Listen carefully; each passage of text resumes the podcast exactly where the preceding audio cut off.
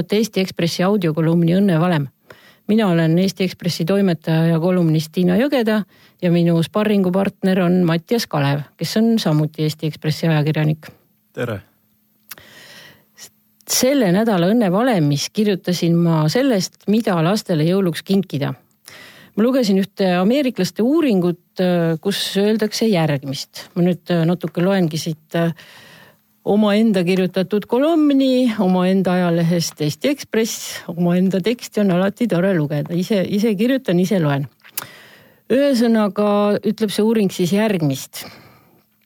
uuriti kõigepealt äh, kaheksa kuni neljateist aastaste äh, laste vanemaid ja nelikümmend viis protsenti nendest vanematest, keda küsitleti, ütlesid siis, et äh, nad ostaksid lapse soovitud eseme igal juhul, ükskõik mis see maksma läheb, sest et äh, laps peab saama soovitu iga hinna eest. kuidas see tundub, see mõttekäik, kas Mattias, kas sa oled saanud äh, kõik, mis sa oma vanematelt oled küsinud, äh, oled sa poest saanud? Õnneks või kahjuks ei ole, et äh, jah, kindlasti tahaks öelda, et olen, selleks võib olla iga lapse unistus, aga võib-olla tagantjärgi mõeldes on hea, et kõik ei ole saanud. et äh, kui sa saad alati kõik, mis sa tahad, siis mingil määral need, sa ei õpi piisavalt tänulikkust ja jah, inimene peab oskama hinnata seda, mis ta saab, kõike ei pea alati saama. no nii armas, kui kõik Ameerika lapsed ka niimoodi mõtleksid, siis oleks ju väga ilus. aga vaatame seda uuringut edasi. selgus siis et, et viiskümmend üheksa protsenti Äh, vastasid, et äh, nad on ostnud lastele asju, mille hind käib perele tegelikult üle jõu ja mida nad endale äh, lubada ei saaks. üle poolte siis. nii järgmine, nelikümmend kaheksa protsenti on võtnud laenu, et lapse soove rahuldada. kümme protsenti on jõuluvana kingikotti täites läinud oma mustadeks päevadeks mõeldud varude kallale ehk siis äh, sukasäärt raputanud ja seitse protsenti on võtnud kiirlaenu või, äh, või ka oma pensionifondidest käinud midagi välja võtmas. ilmselt need on siis olnud juba vanaemad, vanaisad. Äh, seitse protsenti, see on ka, see on ka väga suur arv. et äh, no see, see käib nüüd ameeriklaste kohta, et ma usun, et eestlased nii nii püüdlikud ei ole oma laste soovide täitmises, aga ühesõnaga see, millega me siis nüüd siin ähm, üritame täna toime tulla või millest me üritame aru saada, on teema, et kuidas, ähm, kuidas lastele jõulukinke teha, et mida, mida tasuks osta, mida tasuks kinkida või ei tasuks üldse midagi kinkida. Võib-olla oleks mõistlikum hoopis äh, jätta kuusealused tühjaks, sest nagu Mattias ütles, et, et kui kõike ei saa, siis äh, võib see elus isegi kasuks tulla. ma ütlen enda kohta, et äh, mina näiteks oma lapsepõlvest ei mäleta üldse neid kingitusi, mis, mis ma noh, jõuludeks olen saanud, ma mõtlen niisugust varasemat lapsepõlve, et äh, ma mäletan jõuludest hoopis teisi asju, aga, aga või hoopis teisi momente, aga esemeid konkreetselt, mida ma oleks nii hirmsasti tahtnud ja mida ma nüüd siis heldimusega meenutaksin, minul meelde ei tule, et äh, kas sul on mõni selline asi?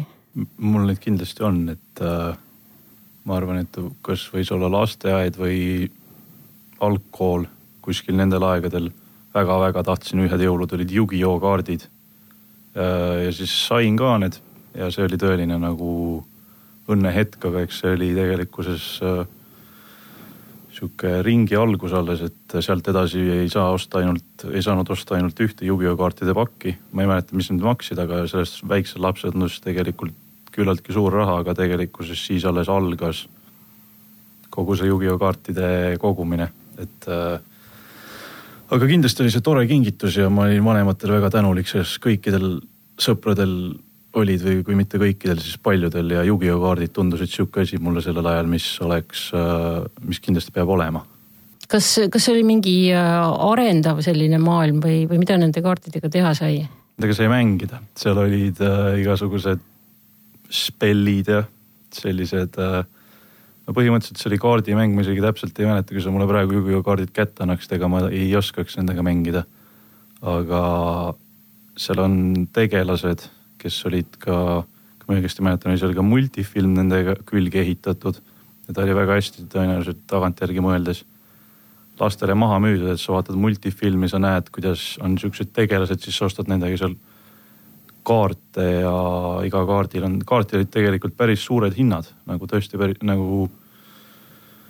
jah, hea äri La, laste pealt on, laste pealt ikka vanemad, lastesse saab noh, kui sul on mingi toode, millest sa tahad lahti saada ruttu, tee selle kohta multifilm, selgita lastele ära, miks seda on vaja ja küll lapsed oma vanematele selle pähe määrivad no hea äriidee, jätame selle meelde. aga mis sa arvad, kas, kas sinu vanemad äh, pidid äh, püksirihma pingutama või, või küsisid sa neilt mingit sellist asja kingituseks või kirjutasid jõuluvanale, et äh, mis võis neile üle jõu käia või, või nende, nende võimalustest juba kõrges kaares üle käia? ma päris midagi võib-olla autot siin ei soovinud et võib-olla hilisemas sport, spordivahendid, näiteks suusad ikka üks sihukene viiesaja eurone kulutus kindlasti. Ja selliseid, aga eks see oli pigem, see võis olla juba see vanus, et äh, noh, et ei, ei uskunud enam või no see oli kindlasti see vanus, kui sa enam jõuluvanasse otseselt ei uskunud, et see oli lihtsalt selline konsensuslik kokkulepe, et mida oleks vaja, et need oleks nagunii saanud, aga no siis osteti jõuludeks mm,. ma saan aru, et äh, sinu vanemad siis äh, lausa nahast välja ei pugenud ameeriklaste eeskujul, et, et kuidagi iga hinna eest sulle vastu tulla ja, ja sind rõõmustada, et, et ainult näha laste või lapse silmis seda, seda tänulikkuse ja õnne helki. võib-olla ma ei osanud küsida ka piisavalt, et no., et Yu-Gi-Oh kaardid tundusid mulle, oligi nagu see kõige vingem asi, mida ma üldse tahtsin saada, et ei osanud sellist mingit, mida, mida iganes need Ameerika lapsed suudavad välja mõelda. Kui oleks küsinud, võib-olla oleks ka vanemad saanud nahast välja pugema, et selles suhtes nad jäid testimata mina võin oma, oma lapsevanema kogemustest öelda, et mina küll ei täitnud oma, oma lapse kõiki soove ja, ja kui ma oleks pidanud kõik need barbinukud kokku ostma, mida laps poes sõrmega näitas, siis me ei oleks ise sinna korterisse enam ära mahtunud. et ähm, ma arvan ka, et see ei ole nagu elu küsimus, et äh, kõik, kõike, mis laps poes tahab, äh, kõike talle osta, aga ameeriklased seda millegipärast teevad. ja nüüd äh, sellel on, on omad tulemused ja tagajärjed ka. et vaatame siis, mis, mis need uuringud ütlevad, et mis, mis sellest siis nüüd edasi saab, kui, kui see laps on saanud kui teda on niisuguse roosa vati sees kasvatatud, et nagu tal midagi nagu äh, pähe tuleb, et siis äh, vanemad hakkavad pingutama, et, et ta selle asjaga saaks. nüüd ja me räägime siis ainult rahast, et mitte tingimata igasugustest muudest unistustest ja siis selgub, et, et see, et nüüd lapsega siis nii armastusväärsed ollakse, teeb tegelikult lapsele kahju. Selgub, et ähm, nad ei õpigi niimoodi äh, raha ja asjade väärtusest äh, aru saama ja selli- ja neil tekib suhtumine, et äh, küsi ja sulle antakse.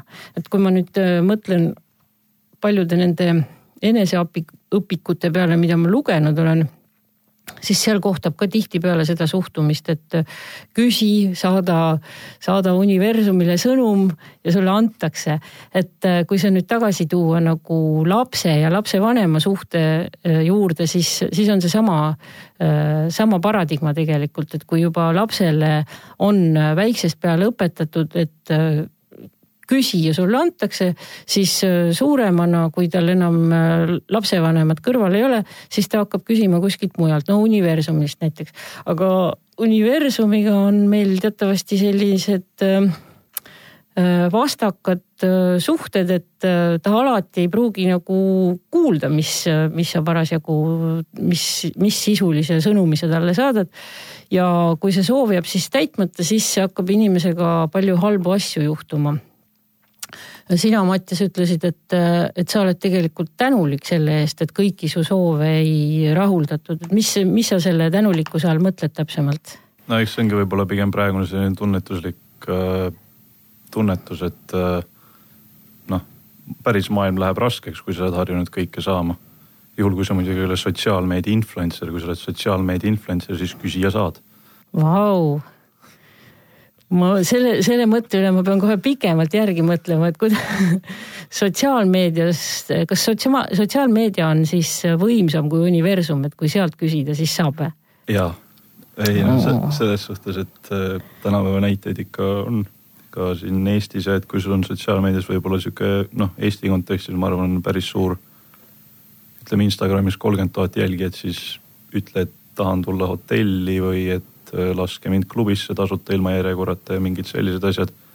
või et tahaks teie toodet testida ja teeks sellest pärast mingi blogipostituse või paneks Instagrami pildi ne,, nemad ikka saavad asju tasuta äge. Ja siinkohal ongi hea meenutada, et noh, et mida meie siis siin teeme, et me teeme podcast'i, eks ju, ja ja sellega on meil ka võimalus siis hakata sotsiaalmeedias äh, feimi ja, ja edaspidi sulli ja ma ei tea, mida kõike siis äh, kokku krabama.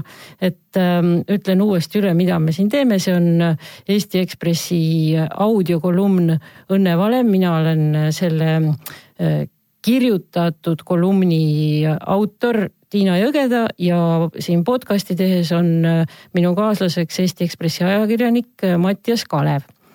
nii, ja nüüd äh, me läheme siis sellesama teemaga edasi, millest me täna räägime, ehk finantsiline haridus on, oleks see tegelikult see ilus sõna, et millest me püüame rääkida, et noorte inimeste finantskoolitus, finantskirjaoskus, kas kas seda on, kas seda on äh, liiga vähe, kas, äh, kuivõrd äh, on siis haritud need Ameerika lapsevanemad, kes, kes laenavad ennast segaseks selle nimel, et lastele jõulukingitusi osta. ma arvan, et selle vastuse me võime juba ära öelda, et. mitte piisavalt. Neil ei ole piisavalt seda finantskäitumisoskusi, eks ju. aga aga mis siis edasi saab? sellest me juba rääkisime, et äh, kui laps saab kõik, mis ta tahab, siis ta ei õpigi rahaga ümber käima. aga selleks, et ta üldse õpiks rahaga ümber käima, äh, peab tal kõigepealt olema taskuraha. kas sina said äh, regulaarselt taskuraha, kui sa väike olid? sain küll mitte sellist regulaarset summat, et jah, summad erinesid, aga sain ikka jah, et kuigi ma kavatsen mingeid uuringuid selles osas, et taskuraha selline regulaarsus nagu, mida sa saad võib-olla palga, palgaga nagu paralleele tõmmata, et see tõesti õpetab head maja, majanduslikku käitumist, et kui lapsel ongi, ma ei tea, nädalas kümme eurot, siis ta oskab seda jagada ja oskab koguda. aga kui lapsel on ta üks nädal viis ja järgmine nädal ta ütleb, et tal on vaja kolmkümmend ja siis sa annad kolmkümmend, see, see järjekordselt võib-olla ei ole kõige kõige mõistlikum. Hmm.. kas sa raha kogusid, kui sa väike olid? ei ole nagu selliselt ei ole kogunud, kuidagi ei olnud võib-olla sellist motivatsiooni, et äh, mingil määral ei olnud võib-olla ühtegi sellist suurt asja või kui suurt asja oli vaja osta, siis saigi lihtsalt vanematelt öelda ja selgitada, et sellist asja on vaja, et ise midagi selliselt ei ole kogunud jah mina ka ei mäleta, et, et mul oleks mingisugune põrsas olnud, kuhu ma oleks äh, väga äh, regulaarselt pannud äh, mingit summasid, aga no ma tean, et ma natuke kogusin mingi, mäletan ükskord ma kogusin selleks, et, et emale sünnipäevakingitust osta ja ja see, selliseid väikseid asju, nende jaoks ma kogusin raha, aga, aga niimoodi suurt või süstemaatilist kogumist või nagu mõned lapsed suudavad teha, et panevad kõrvale seal kõik oma nädala toidurahad ja, ja siis teevad plaane, tahavad osta mingit jalgratast või lumelauda. et äh, selliseid omadusi äh, minul ei ole, see on teatavasti isikuomadus, et äh, selle, selle isikuomaduse nimi eesti keeles on meelekindlus sa, sa õpid ise ka psühholoogiat, et o, nimetatakse seda veel meelekindluseks või? nimetatakse meelekindluseks. jaa, vot mul on selle meelekindlusega halvasti.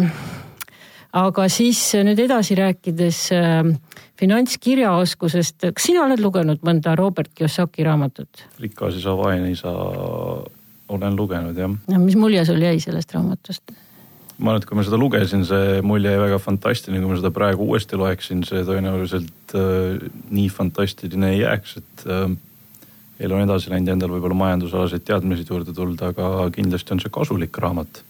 et äh, jah, ta on, ta on võib-olla selline noh, ma ei tea, kas ta on kõige õigem asi, mida anda väiksele lapsele lugeda, et selles suhtes ma arvan, et sealt võib ka saada natuke valesid ettekujutusi, aga vähemasti sa hakkad mõtlema mingil määral majanduse ja raha investeerimise ja nende asjade suunal ja see võib-olla hakkab sulle äge tunduma. jah, seda, neid Kiyosaki raamatuid on palju ja ma, ma soovitaks ka öö, lugeda nendest noh, kasvõi üks läbi ja ega, ega rohkem ausalt öeldes ei olegi vaja. ühest piisab, sest et ta räägib kogu aeg samadest asjadest. ja miks seda on vaja lugeda või noh, tasuks lugeda, et on see, et äh, meie Eesti koolides äh, finantsharidust äh, peaaegu ei anta või antakse vähe. Eestis antakse umbes igas viiendas koolis süstemaatilist finantsharidust, et, et koolis tõesti on selle jaoks omaette tunnid. ja selle, selle näitajaga me oleme maailmas ühed Äh, viletsamad.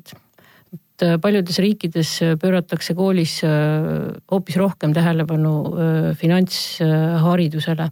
nüüd see kõlab väga kurvalt, aga tegelikult uudis on hea, et ähm, PISA testides mõõdetakse lisaks lugemis- ja arvutamisoskusele ka sedasama finantskäitumisoskusi ja nendes selgub, et äh, Eesti lapsed on väga tublid. et äh, ilmselt on see mingisugune terve talu, talupojatarkus, et, ähm, et tegelikult Eesti lapsed äh, nende PISA testide põhjal oskavad rahaga ümber käia. aga koolist saab seda tarkust väga vähesel määral, kas teid õpetati koolis? mina olen õppinud, aga ma ei ole Eestis seda õppinud, et Soomes sai keskkoolis õpp-, oli nii majandus kui business management ja ma pean ütlema, et väga igavad ained olid mul alati, et selles suhtes midagi nauditavat ei olnud. aga kindlasti nagu noh, vajalikud teadmised ja, ja selles suhtes jah, mõistlik on neid ikkagi õpetada, et äh, parem kannatad ära ja mingil määral tuleb sulle ikkagi, sa hakkad maksudest ja sellistest asjadest aru saama, mis on tegelikult väga kasulik ikkagi noorest east neid, kui koolis selgeks õpetatakse, mitte elu, elu jooksul ise vaikselt kas ma saan õigesti aru, et äh, sa praegu nüüd äh, jagad päris hästi Soome maksusüsteemi? ei. kuna sa koolis õppisid seda, ei? ma tõenäoliselt jagan seda mingil määral, aga, aga äh, kui, kui, kui oleks praegu selline praktiline rakendus pidevalt, siis võib-olla jagaks päris hästi, aga, aga no okei okay,, ma tõenäoliselt jagan seda täiesti normaalselt, et saan aru, kus seal need astmelised tulemaksud, mille eest mille eest kooritakse ja mille eest mitte. aga jah. aga mida seal tundides veel õpetati, kas teil oli seal mingeid praktilisi niisuguseid raha kasutamise harjutusi ka või? sellisel kujul ei tule ette, aga kindlasti olid need enda suured projektid, kus sul oli näiteks ma mäletan, oli, oligi üks kursus business management'is minu arvates, mis oli äh, mis nägi ette seda, et sa oled nagu raamatupidaja ja sa pidid jagama Äh, mingisuguse päris äriprojekti võtma ja sa pidid äh, nende maksundusega tegelema, et kust, mille eest makstakse. Äh, samamoodi pidid tegelema teises ühes, teises ühes päris äris. noh, kuidas seda äri üleval peetakse, kust on vaja varusid täiendada ja nagu sellel, sellisel kujul sa noh, õppisid majandust, õppisid raha jagama, said aru said aru reaalsest maailmast, enne kui sa selle reaalse maailmaga tegelikult kokku puutusid. sind valmistati tegelikult täiesti korralikult. no see kõlab nii, et, et sul ikkagi on olnud nendest tundidest kasu. ei, kasu on kindlasti olnud, ma ei, lihtsalt ütlen, et need ei olnud mu lemmiktunnid.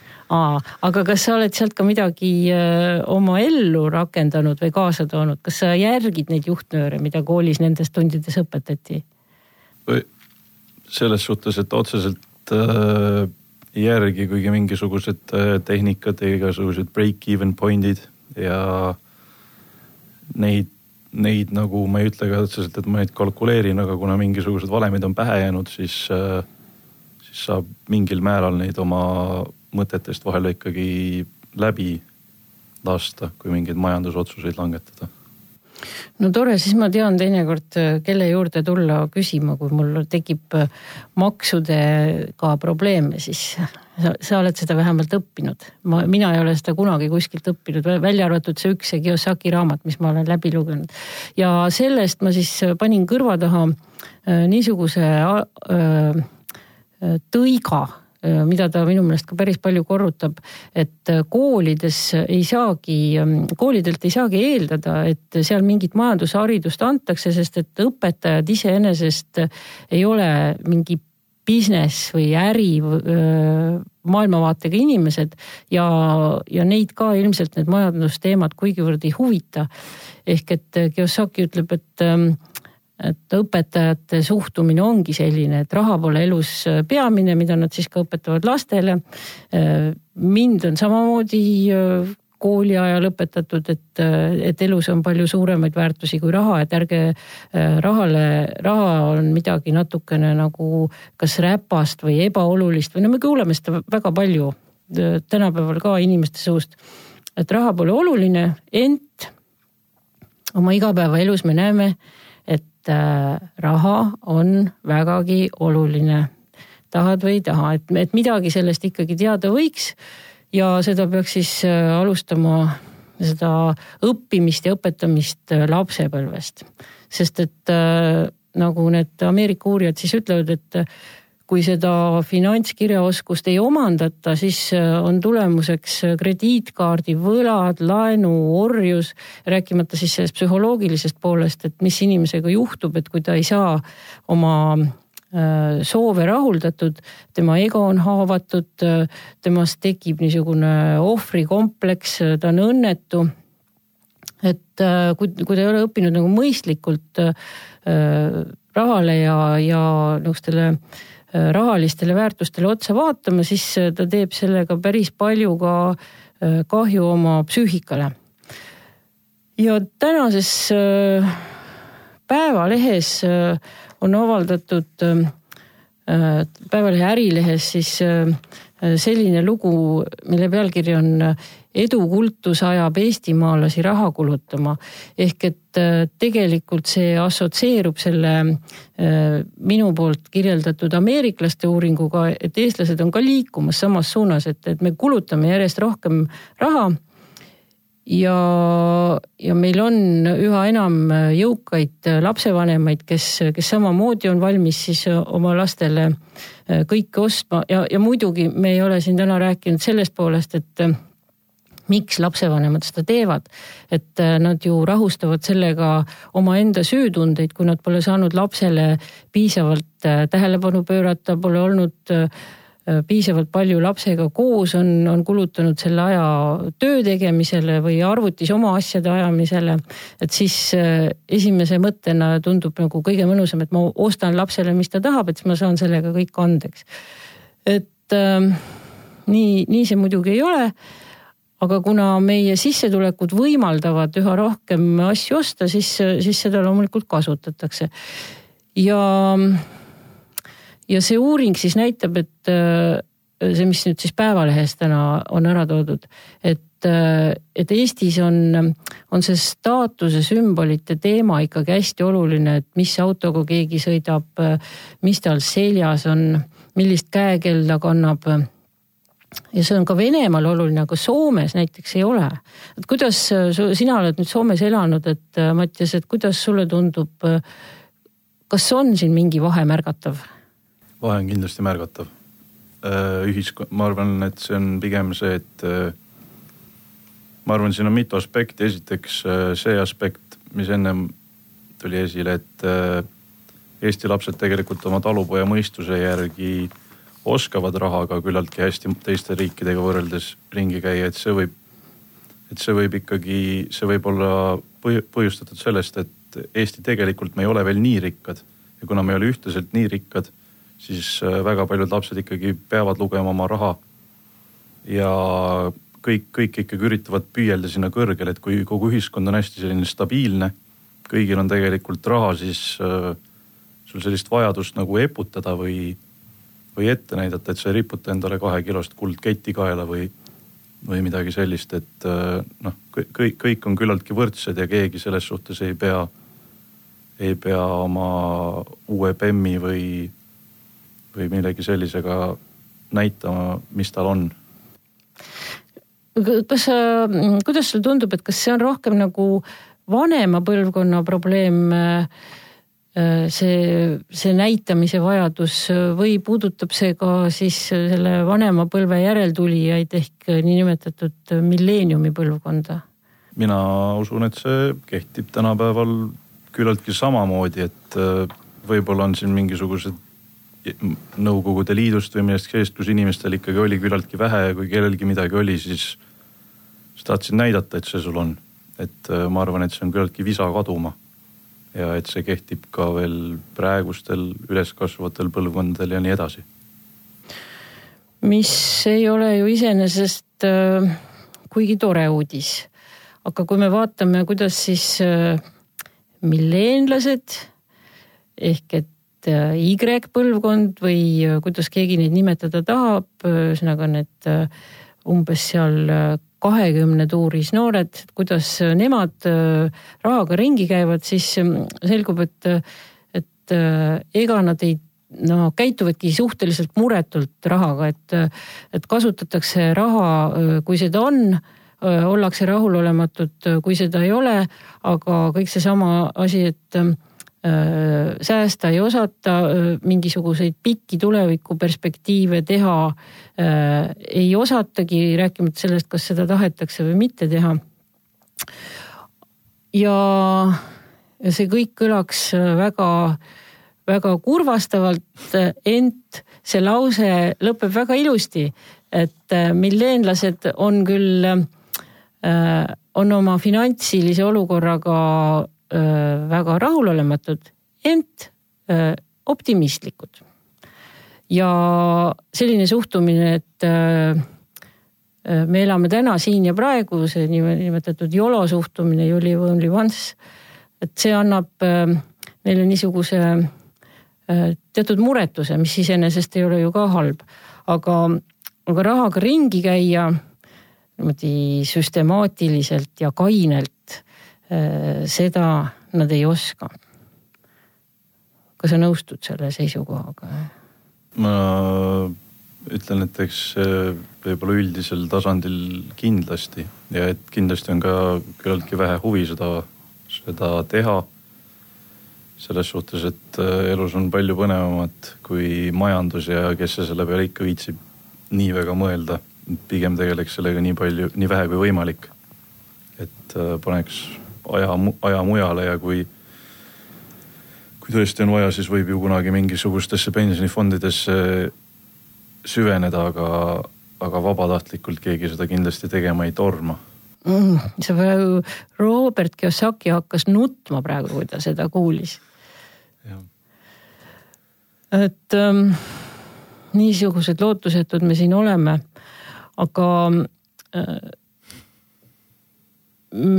katsume kuidagi olla positiivsemad, et äh, ühesõnaga, me tahame öelda seda, et või vähemalt mina tahan öelda, et, et äh, ei ole mõtet osta neid äh, kohutavaid mänguasju ja mänguasjade hunnikuid sinna kuuse alla või ma ei hakka rääkima, mida kõike siis täiskasvanutele veel võib kinkida. aga et ka üldse mitte ilma kingituseta jääda ja last jätta ja samas anda talle ka finantsharidust, siis võib talle sinna kuuse alla poetada ümbriku. Äh, ümbriku rahaga ja siis, kui tal on põrsas, siis äh, mõelgu siis ise, et kas ta paneb selle raha põrsasse või mis ta sellega teeb. Eesti kultuuriruumis üldiselt ei peeta raha kinkimist nagu väga heaks tooniks, et pigem see näitab nagu hoolimatust. et kas sulle meeldib, kui sulle raha kingitakse? selles suhtes, et mingil määral raha läheb ikka vaja, et kui sa saad mingisuguse raamatu, mida sa iialgi ei loe või mingisuguse noh, vidina, mida sa iialgi ei kasuta, mille peale tegelikult inimene on noh, mõelnud ja võib-olla on poes see talle huvitav tundunud, siis mingil määral see kindlasti on südantsoojendav. aga samas, kui sa seda iialgi ei kasuta, siis on see ikkagi kahe otsaga asi, et raha kulub ikka ära mulle endale, mul, mul muidugi, kui mulle raha kingitakse, mul ei ole selle vastu vähimatki. aga, aga mulle endale raha kinkida ei meeldi, ma ei tea, kas ma üldse olen kellelegi kunagi raha kinkinud, et kui, kui mul on äh, vaja oma lapsele raha anda, siis, siis ma lihtsalt annan talle raha, aga, aga ma, ma ei ole seda kunagi pidanud kingituseks. aga kui nüüd, ähm, kui nüüd siin äh, uurijaid ähm, ja psühholoogi uskuda, siis raha kinkimises midagi halba ei ole, et äh, laps saab sellega oma finantskirjaoskust siis arendada ja, ja ise mõelda, kuidas, kuidas ta opereerib nende summadega ja võib-olla osta ka siis endale õigemaid asju, millest ta vanemad või vanavanemad äh, äh, teadlikud ei ole või võib-olla noh, selles mõttes teadlikud ei ole, et nad ei ole osanud selle peale tulla, et laps just sellist asja tahab. nii et ähm, ma ei kutsu üles äh, raha kinkima, aga ma kutsun üles äh, mitte ostma neid asju, äh, noh, mis siin enne, enne jõulu inimesed hakkavad rääkima, kuidas tekib jõulupeavalu ja jõuluhullus ja jõuluhüsteeria, sest et sa pead kammima poodides mingisuguste mõttetute asjade riiulites ja, ja siis nendest hunnikutest midagi välja valima, et sellise asja üle ju ei rõõmusta keegi ja. mänguasja tootjad vast ikka rõõmustavad ja poeomanikud. õigus. Mulle meeldib see optimism, et sa ikka oskad leida selle, kes, kes saab õnne, kelle, kes lõpuks õnnelikuks saab. Äh, aga võtame otsad kokku. Te kuulsite Eesti Ekspressi audiokolumni Õnne valem. minu nimi on Tiina Jõgeda, stuudios koos minuga oli Mattias Kalev. ilusat päeva ja palju õnne teile head aega.